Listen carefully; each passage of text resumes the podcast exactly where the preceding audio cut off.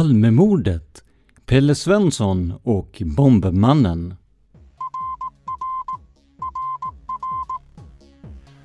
Sveriges statsminister Olof Palme är död.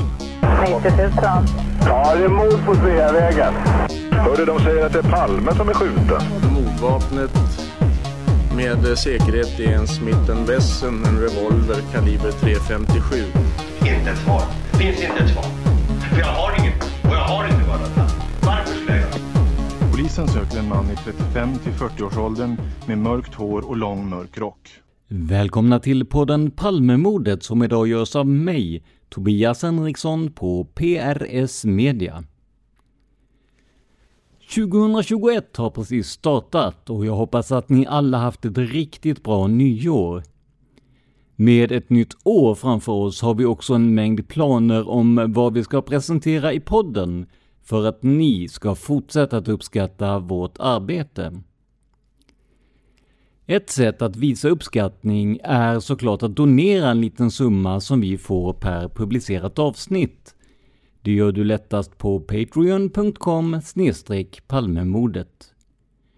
Om du hellre vill donera en engångssumma, kontakta oss i privat meddelande på facebook.com palmemordet så får du numret för swishbetalning. Den 17 december 2020 nåddes vi av beskedet att Pelle Svensson gått bort, 77 år gammal.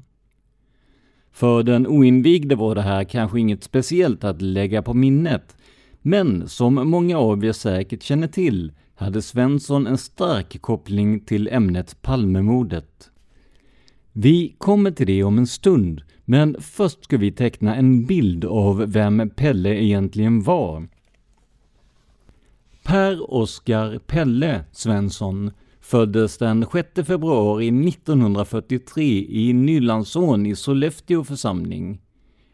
Mest känd blev han som brottare där han vann två VM-guld och två EM-guld samt ett OS-silver i Tokyo-OS 1964.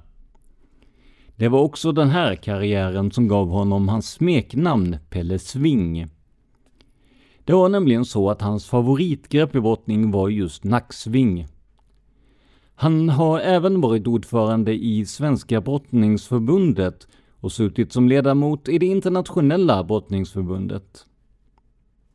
När karriären som brottare var över valde Pelle en bana som kanske inte tycktes helt självklar. Han utbildade sig nämligen till jurist. Den forne brottaren skulle nu alltså försvara personer som hamnat i klammeri med rättvisan. Svensson var först anställd på Lindstedts advokatbyrå i Sundsvall, men startade 1989 en egen advokatbyrå. Han kom att få uppmärksamhet bland annat då han försvarade en av de åtalade i Omselemordet, samt att han lyckades få sin klient i Lindomefallet friad från misstankar om mord. Vi ska bara kort nämna just Lindomefallet här eftersom det fick en speciell betydelse i svensk rättshistoria. Två män tog sig in i ett hus för att skaffa ett vapen av en person. Problemet var bara att de tagit fel hus. Så istället för en vapenförsäljare fanns där en 89-årig man. Det uppstod tumult och mannen blev ihjälslagen med sin egen stekpanna. Två män greps efter en tid, mycket tack vare de spår de lämnat efter sig på platsen. Den ena av männen erkände inledningsvis mordet, men kom senare att ta tillbaka sitt erkännande. Den här personen kom att åtalas för mord. Hans medhjälpare åtalades å andra sidan för medhjälp till mord. Männen skyllde på varandra, men det hela slutade med att man nummer ett dömdes för mord och man nummer två för medhjälp till grov stöld samt skyddande av brottsling. Den första mannens advokat hette just Pelle Svensson och denne såg till att snabbt överklaga morddomen. Hovrätten för västra Sverige ansåg att det inte kunde uteslutas att de båda männen hade mördat mannen i samråd. Men den möjligheten fanns inte med i åklagarens gärningsbeskrivning. Därför fick domstolen inte heller pröva den hypotesen. Mannen dömdes istället till sex månaders fängelse för grov stöld. Det här är bara ett av de fall som Pelle Svensson blivit ytterst delaktig i och som också väckt debatt i media och rättssalar. Ett annat sådant fall, det sista innan vi kommer in på kopplingen till Palmemordet, är domarna mot Thomas Quick. För Pelle Svensson var tidigt övertygad om att Quick, eller Sture Bergvall som han numera heter, var oskyldig till samtliga mord han erkänt. Han drev den här tesen hårt i media och stod även bakom ett enskilt åtal mot en alternativ förövare i fallet Johan Asplund. Rätten dömde den misstänkte mannen för människorov, men Pelle ville ha honom dömd för mord och överklagade. I hovrätten friades den åtalade och Högsta domstolen tog inte upp fallet. Pelle Svensson fick hård kritik för sitt agerande då det egentligen inte fanns något som bevisade ens att ett mord hade begåtts. Men det som på senare tid kom att bli Pelle Svenssons största fråga var det så kallade testamente som Lars Tingström, även kallad Bombmannen, ska ha lämnat efter sig. Det här spåret i Palmeutredningen är mycket omfattande och har ett stort antal tvära kast. Men i det här avsnittet ska vi försöka sammanfatta det så gott det låter sig göras. Fler avsnitt om det här spåret kommer senare i podden, bland annat när vi tar oss an Christer Pettersson. Det hela börjar som sagt med Lars Tingström, född 1934 i Visby på Gotland. Tingström var en något märklig man med ett starkt rättspatos och någon slags egen moral. Men framförallt var han make och familjefar. Låt vara att han under stunder i livet inte var särskilt bra på något era. Tingströms väg mot att bli bombmannen med hela svenska folket började med något så oskyldigt som ett köp av en båt. I boken Bombmannens testamente av Lena Ebervall och Per E Samuelsson beskrivs det hur Lars köper en båt utomlands. Ett tag senare nås han av ett brev från Skattemyndigheten som menar att han ska påföras restskatt för den summa han inte betalat när han köpte båten och sedan tog in den i Sverige. Det hela visade sig handla om att försäljaren skrivit fel summa på kvittot för båten. Vilket i sin tur gjorde att Lars ådömdes att betala avsevärt mer i skatt än vad han hade räknat med. Ett enkelt misstag som lätt går att rätta till, tänker man. Men så var inte fallet. Trots överklaganden och åtskilliga samtal med myndigheten stod beslutet fast. Det var här som Tingströms väg mot att bli rättshaverist och möjligen också terrorist började. Medan Lars överklagade besluten om skatt var han tvungen att ha ett jobb. Han nappade på en annons där man blev återförsäljare av tipsapparater runt om i Stockholmstrakten. Enkelt förklarat skulle maskinerna ge större chans till alla rätt på tipset genom matematiska beräkningar. Tingström skulle hyra in sig på maskinerna av tillverkaren, men fick i gengäld en rundlig summa av den vinst som maskinerna drog in. Företaget hette Prox Calculator AB. Men som så ofta i Tingströms liv uppstod problem. Trots en rundlig inbetalning för maskinerna kunde företaget inte leverera dessa utan gick i konkurs. Tingström stod återigen på bar backe.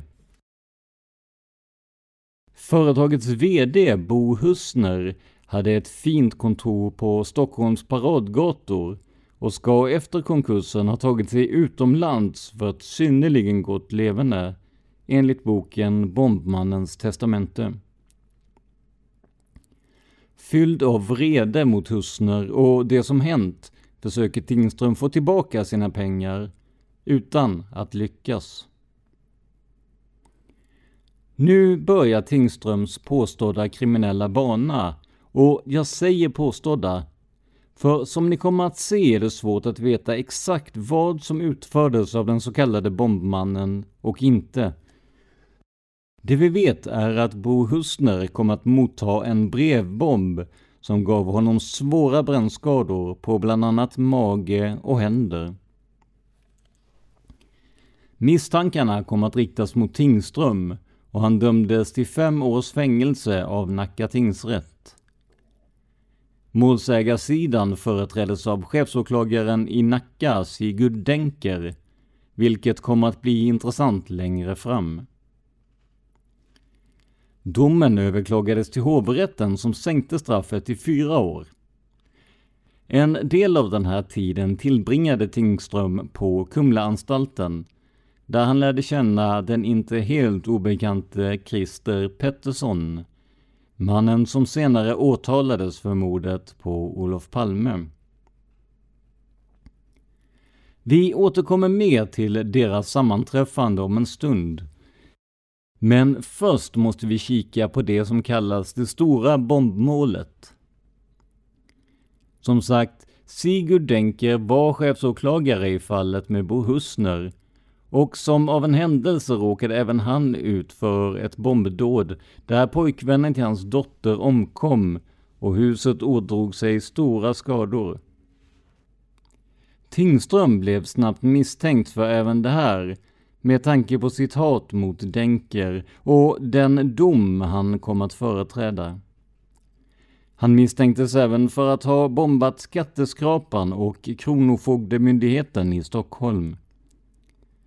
Bomberna var av samma typ och Tingström hade ett dokumenterat intresse och kunnande om just bomber. Misstankarna kom snart att riktas mot honom och han dömdes senare också till livstidsfängelse för dåden. Hans advokat vid den här rättegången var ingen mindre än Pelle Svensson.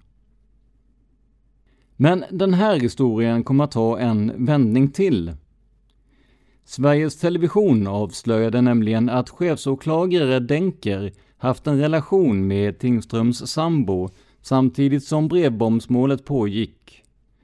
Sambon var även huvudvittne i rättegången och jävssituationen var uppenbar. Det visade sig senare också att riksåklagare Magnus Sjöberg känt till affären men hemligstämplat den istället för att bevilja Tingström resning. Avslöjandet ledde till att riksåklagaren beviljade Denkes begäran att få nya arbetsuppgifter.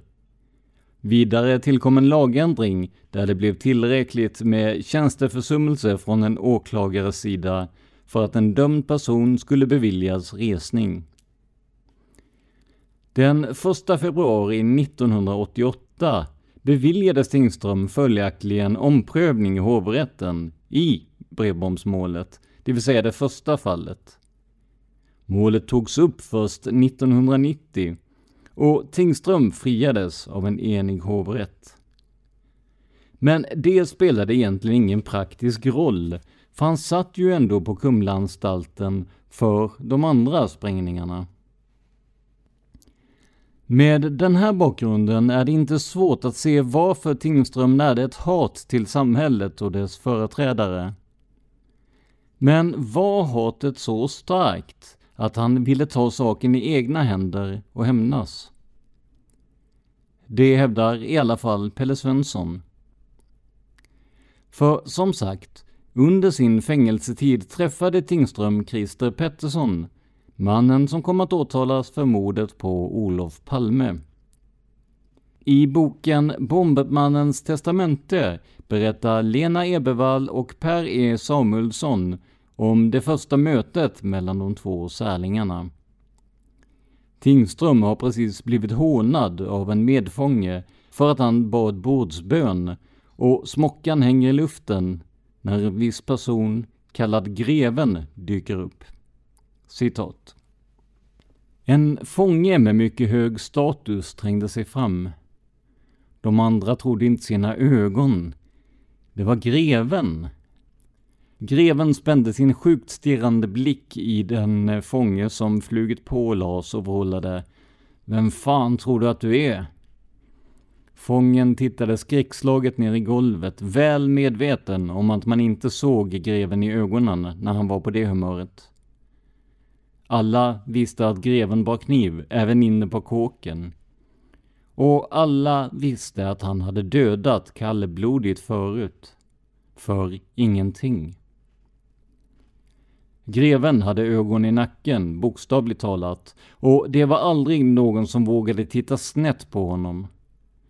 När han gick i korridorerna inne i bunkern brukade han hålla ett öga på spegeln som var uppsatt på väggen mitt emot. På det sättet kunde han alltid se om någon gjorde något bakom hans rygg. De andra bildade förväntansfullt en ring runt bråket. Hade de varit vargar hade de morrat. Ingen plit fanns i närheten och fången som hotat Lars slank iväg med svansen mellan benen. Lars tittade förvånat på sin räddare och tog den utsträckta handen.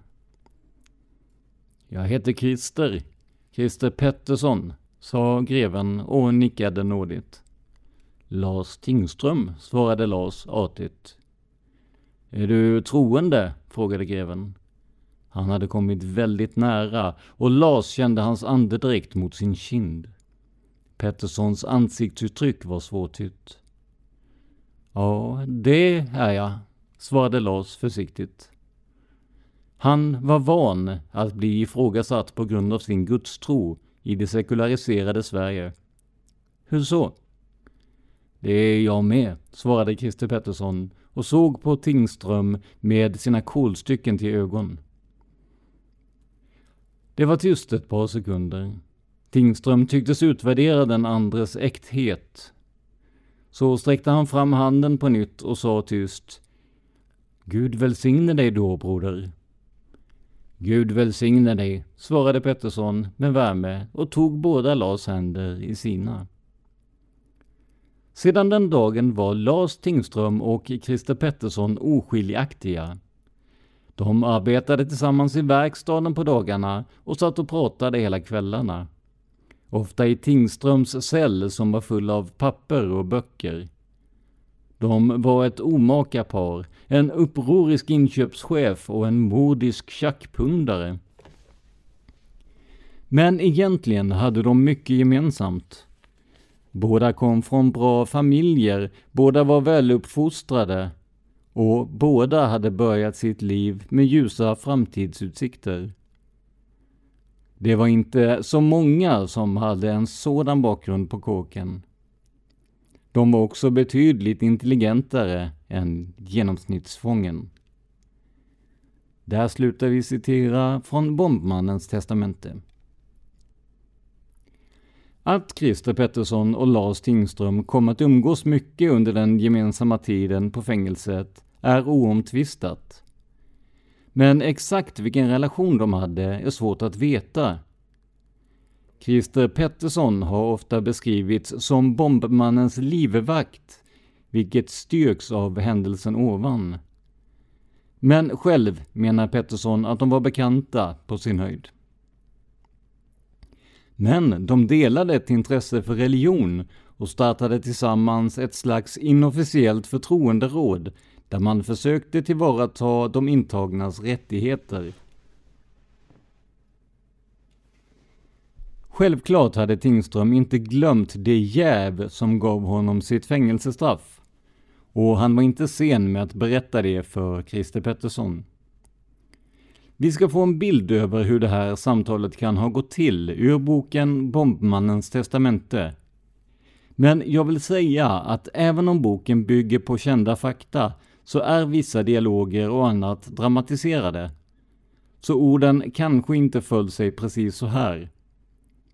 Men hur som helst så var det det här som blev just Bombmannens testamente om man får tro författarna och Pelle Svensson. Citat. Pettersson lugnade ner sig lite men hade inte slutat grubbla. Om du blir dömd fast du har Gud på din sida så ska jag fortsätta kampen. I så fall ska det vara en blodshämnd som går till kriminalhistorien. De ska jävla i det veta vem de leker med.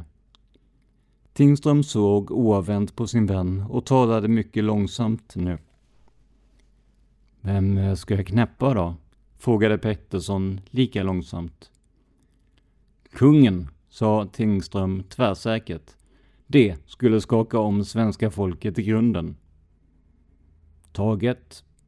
Pettersson tvekade inte ett ögonblick. Knugen knäpper vi först. Sen då?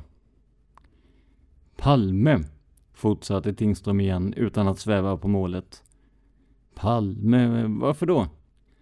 Han är chef för regeringen. Det är regeringen som utser justitieråden i Högsta domstolen och de har vägrat ge mig upprättelse gång på gång. Och det är regeringen som beviljar nåd. Så Palme blir nummer två som den som är ytterst ansvarig för alla rättsövergrepp mot mig. Okej, okay, sa Pettersson och satte sig att skriva vid Tingströms skrivbord. Överst skrev han brödernas dödslista. Kungen först och Palme sen, men eh, sen då? Sen får vi se. Vi ska gå till svensk kriminalhistoria för århundraden framåt. Han upprepade dessa ord som en väl inövad bön. Det finns ingen brist på kandidater. Men hur, hur ska vi kommunicera med varandra om du sitter inne och jag är ute? Funderade Pettersson. De resonerade om detta en bra stund och kom fram till ett system med hemliga budskap genom vykort. Vykort med rovfågelsmotiv skulle betyda fortsatt kamp. Vykort med blommor, att kampen var slut. Orden vän och broder och kamp betydde att kampen fortsätter. Och frimärken med kungen på innebar att han var nästa offer. Slut citat Bombmannens testamente. Det här får man såklart tro vad man vill om, men det är den här dialogen som sätter fart på det som senare kommer att kallas just Bombmannens testamente. Det rör sig alltså om att Lars Tingström ska hämnas på samhället och göra det med hjälp av Christer Pettersson. De högsta företrädarna för politik och samhällsstyrning ska avrättas och kungen och Olof Palme ska stå överst på dödslistan. Pelle Svensson var som sagt Lars Tingströms advokat vid det här tillfället. Och han var inte rädd för konfrontation.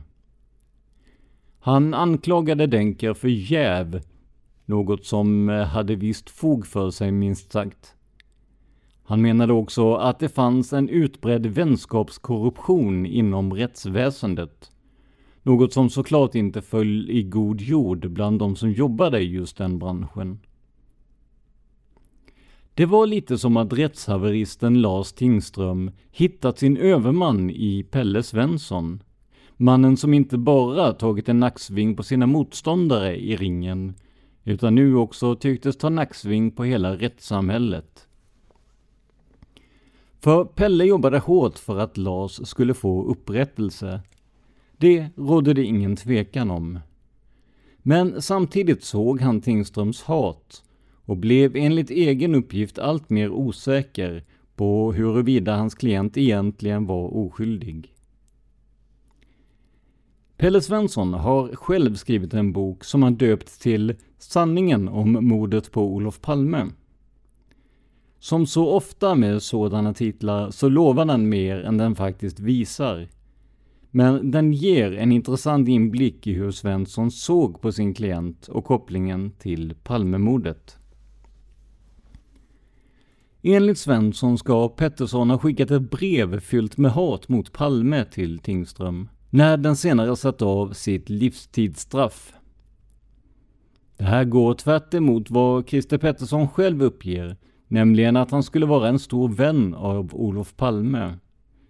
Det är också bevisat, om än långt senare, att Pettersson stal en löpsedel med en bild på Palme dagen efter mordet för att ha som minne. Olika källor menar dessutom att Pettersson var en av dem som skrev i kondoleansboken efter Palmemordet. I domen efter hovrättsförhandlingarna mot Christer Pettersson står följande apropå dennes inställning till Palme. Citat. Christer Pettersson har uppgivit att han är socialdemokrat, att han alltid röstat på Socialdemokraterna, utom möjligen 1979, då han av valtaktiska skäl kan ha röstat på kommunisterna. Han har tillagt att han alltid beundrat Olof Palme. Det fotografi som han hade av Olof Palme i sin bostad stal han efter mordet eftersom han tyckte om Olof Palme. Av samma skäl tillgrep han de löpsedlar från den 1 mars 1986 som anträffats hemma hos honom. Slut citat.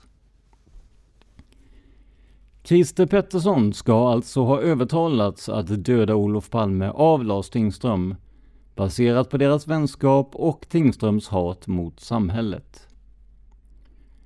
Bland annat ska Pelle Svensson fått ett samtal från Tingström efter mordet där den senare ska ha sagt citat Ja, och som du förstår så fick Olof Palme plikta med sitt liv för hårbockens skull. Slut citat. Med horbocken avses såklart Sigurd Denker, åklagaren som tog över Tingströms sambo när denne satt i fängelse. Något som är intressant i Pelle Svenssons bok är en exakt fras som återkommer ständigt i rapporteringen om mordet. Tingström ska nämligen ha yttrat att citat ”blod ska flytta på Stockholms gator”. Slutcitat. Det här är exakt samma fras som Viktor Gunnarsson ska ha yttrat strax innan mordet. Det får mig att fundera på om frasen har blivit en slags modern myt, där upphovspersonen inte riktigt går att fastställa. Eller om två av varandra helt oberoende personer yttrat exakt samma mening i exakt samma sammanhang med bara en kort tids mellanrum. Värt att nämna i de här sammanhangen är att Tingström tidigare haft hjälp av en jurist som heter Carl-Göran Edqvist, senare Borgenstierna. Denna hade tidigt närt en stor sympati för nazismen och också uppvisat ett stort Palmehat, i alla fall i samtal med sina klienter. Han är också författare till den märkliga boken Land du förskingrade, som nämnts tidigare i podden. Pelle Svensson tar detta som intäkt för att kaka söker maka och att klientens och advokatens gemensamma inställning till Palme kan ha varit en slags tändvätska för dådet. Men hur var det då med bombmannens testamente? Skrev Lars Tingström verkligen ett sådant som visade på sin och Christer Petterssons skuld i mordet? Hur man väljer att tolka detta beror mycket på vem man frågar. Det vi kan konstatera är att Lars Tingström mot slutet av sitt liv drabbades av cancer. Han var dödssjuk och vistades sista tiden på sjukhus. Här vill han prata med två journalister enligt Pelle Svensson, nämligen Lennart Hård på Aftonbladet och David Lagerkrans på Expressen. Tanken var att göra ett slags avslut och enligt Pelle Svensson berätta om hur Tingström fick Palme mördad. Det fanns bara ett krav. Det skulle inte finnas några vakter eller poliser vid sjuksängen under intervjun. Det här hade såklart varit lätt att ordna i allmänhetens intresse. De poliser som fanns i sängen tills det att Tingström drog sitt sista andetag hade kunnat vakta utanför dörren. Om man nödvändigtvis ville veta vad som sades i samtalen hade det gått att råka lämna en bandspelare påslagen i rummet, till exempel under sängen. Det kanske inte hade varit helt rätt rent juridiskt, men fullt möjligt. Istället konstaterades att polisen var tvungna att vara med på plats. Därmed vägrade Tingström att prata med journalisterna, men enligt Pelle Svensson tog han istället emot ett antal rubriker från Lars, som Svensson senare skrev ned på ett papper. Det här var det som kom att kallas bombmannens testamente. Tingström var själv för svag för att skriva, återigen enligt Svensson, varför Pelle själv skrev ner det hela. Det här är det testamente som sedan kom att bli så omdiskuterat i media, komplett från boken Sanningen om mordet på Olof Palme av just Pelle Svensson. När jag nu läser igenom boken igen inser jag att förklaringarna till varje punkt inte behöver vara original, utan lika väl kan vara Svenssons förklaringar. Men jag återger dem som de står i boken. 1. Bedragaren Husner och brevbomben 2. Horbocken Kärleksaffären mellan chefsåklagare Sigurd Denker och sambon Anita samt de olagliga telefonavlyssningarna. 3. Terror! Utropstecken. Kommentar, alltså inte terror, utan terror. Slutkommentar. Mötet med Christer Pettersson på Kumla. 4. De edsvurna. Mötet hemma i Hyttinens lägenhet. 5. Hämnden. De tre bombattentaten.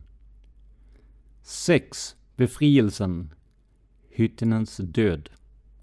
7. Statsterroristen. Rättegångarna och kampen för rättvisan. 8. Mordet! Utropstecken. Kriminalhistoria skrivs. 9. Sveket. Christer Petterssons svek. Drogerna tog honom. 10. Amalthea! Utropstecken. Att försonas. Gud, ge mig nåd. Mer än så var det alltså inte, det som kallades för bombmannens testamente. Till de här punkterna krävs kanske en viss förklaring. Hyttinen, som nämns i uppräkningen, var en medarbetare till Tingström, även han kunnig på bomber och sprängteknik. Han avled då en bomb han höll på att pilla med detonerade. Om det var en olyckshändelse, sabotage eller självmord har inte gått att utreda. Amalthea-dådet var ett politiskt attentat som begicks i Malmö hamn mot fartyget Amalthea 1908. I hamnen pågick en stor strejk och eh, Amalthea var lastat med brittiska strejkbrytare. Den explosion som utlöstes på fartyget av Anton Nilsson dödade en person och skadade 23. Men tillbaka till historien. Tingström avled 1993 på sjukhuset i Skövde efter en tids cancersjukdom. In i det sista vakade poliser vid hans säng. Knappt fyra år senare publicerade Pelle Svensson det testamente som ni hörde om precis. Det skulle han nämligen få göra om Christer Pettersson inte fått ordning på sitt liv tills dess. Då hade han det bättre på kåken, resonerade bombmannen och hans advokat. Nu uppstod ett fullkomligt kaos i såväl media som i Pelle Svenssons liv. Pelle själv eh, menar att han hade ett testament med ett erkännande från bombmannen som i sin tur pekade ut Christer Pettersson. Men som vi hört är det här testamentet skrivet av Svensson själv, möjligen dikterat av Tingström. Ja, om man får tro Svensson då i alla fall. När det avslöjades att testamentet enbart var summariskt och att det inte var Tingström själv som satte på pränt blev Pelle Svensson hårt ansatt i media. Själv hävdade Pelle som sagt att det här var sanningen och att det var detta som Tingström berättat. Men allt färre trodde på honom. Svensson var inte känd för att hålla låg profil. Kanske ville han bara synas ännu mer i media, tycktes man resonera. Att senare hänga ut en före detta klient togs inte heller emot med öppna armar av media, eller för den delen av andra jurister. Trots detta stod Svensson på sig. Han hade sanningen och han krävde också de 50 miljoner kronor som skulle gå till den som kom med avgörande uppgifter om mordet. Mot slutet av Pelle Svenssons levnad var det allt färre som tog honom på allvar i sina påståenden. Och kanske än färre som mindes honom som den store idrottare han faktiskt var. Istället kom han att bli något av en pajas i advokatkostym, som gärna kom med hårda utspel i flertalet frågor, men sällan kom att underbygga dem. Pelle själv drabbades av demens och cancer mot slutet av sitt liv och förlorade såväl en del av sitt närminne som till slut talförmågan.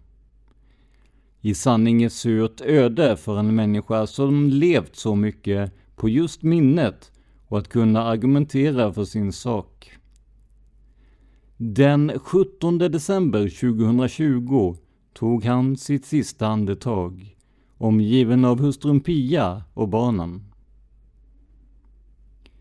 Ett innehållsrikt liv hade kommit till ända, men kanske inte på det sätt som Pelle Svensson själv önskat. Men vem vet?